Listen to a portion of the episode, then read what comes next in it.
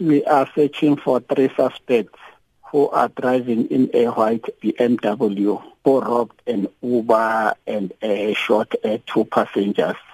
It is alleged that an Uber driver was uh, dropping off two of his guests or passengers at one of the hotels in Morningside when he was approached by three armed men who robbed the passengers as well as an Uber driver valuable items. Items that were taken they include cell phones, laptops, and undisclosed amount of cash, as well as the clothes.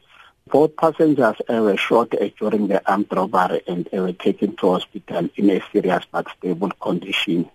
We also suspect that the suspects have been following the Uber since it came from the OR Tambo uh, International Airport.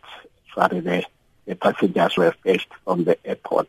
We have launched a manhunt for the suspect and we are appealing to anyone who might have information that can help us arrest this suspect to please call the nearest police station